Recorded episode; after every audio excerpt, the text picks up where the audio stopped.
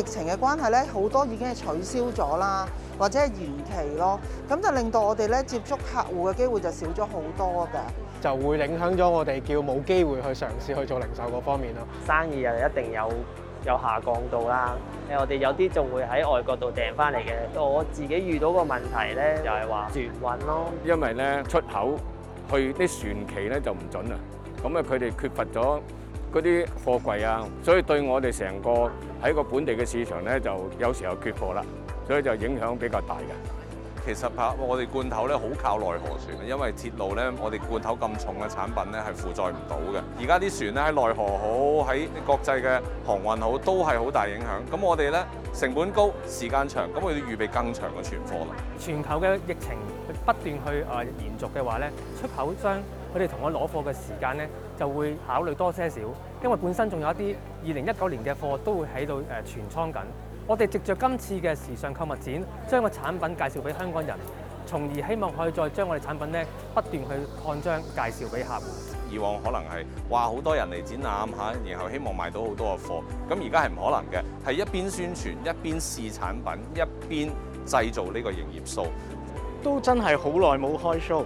咁誒。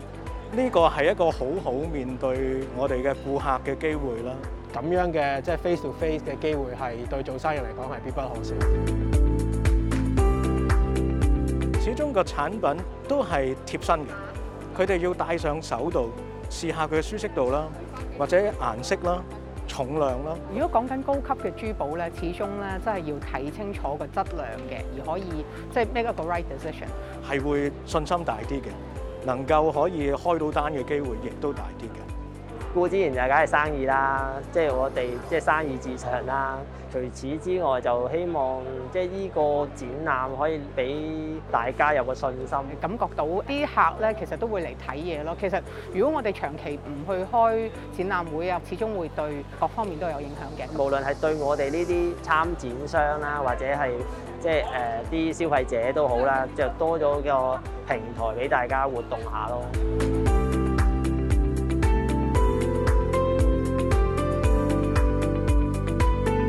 其實咧，TTC 呢次舉行嘅展覽咧，係相當好嘅。你今次由誒入嚟啊，至到食飯嘅安排啊，至到人流嘅控制啊，咁樣嘢都係做到好有系統咯。咁就亦都即係令到人哋會好放心咯。我唔係太諗到有其他機構誒可以令到我哋都叫死食咗成年嘅嘅零售嘅行業係可以再有個機會喺度發展。真係能夠幫到香港啲中小企能夠參加多啲本地市場個展覽。咁啊，法局身為呢個展覽業嘅龍頭啦，咁我哋好多嘅展商公司都話幾時有展覽啊？究竟已經年幾咯？因為我哋好需要展覽試親產品，去令同事接觸消費者，所以茂發局一定啊係要做多啲展覽。自己本身雖然係參展商啦，但係都我都係一個消費者嚟噶嘛。我自己都覺得呢個展非常之好行啊，因為好多唔同種類嘅公司喺度啦，咁亦都即係已經係可以滿足到好多唔同人嘅需要咯。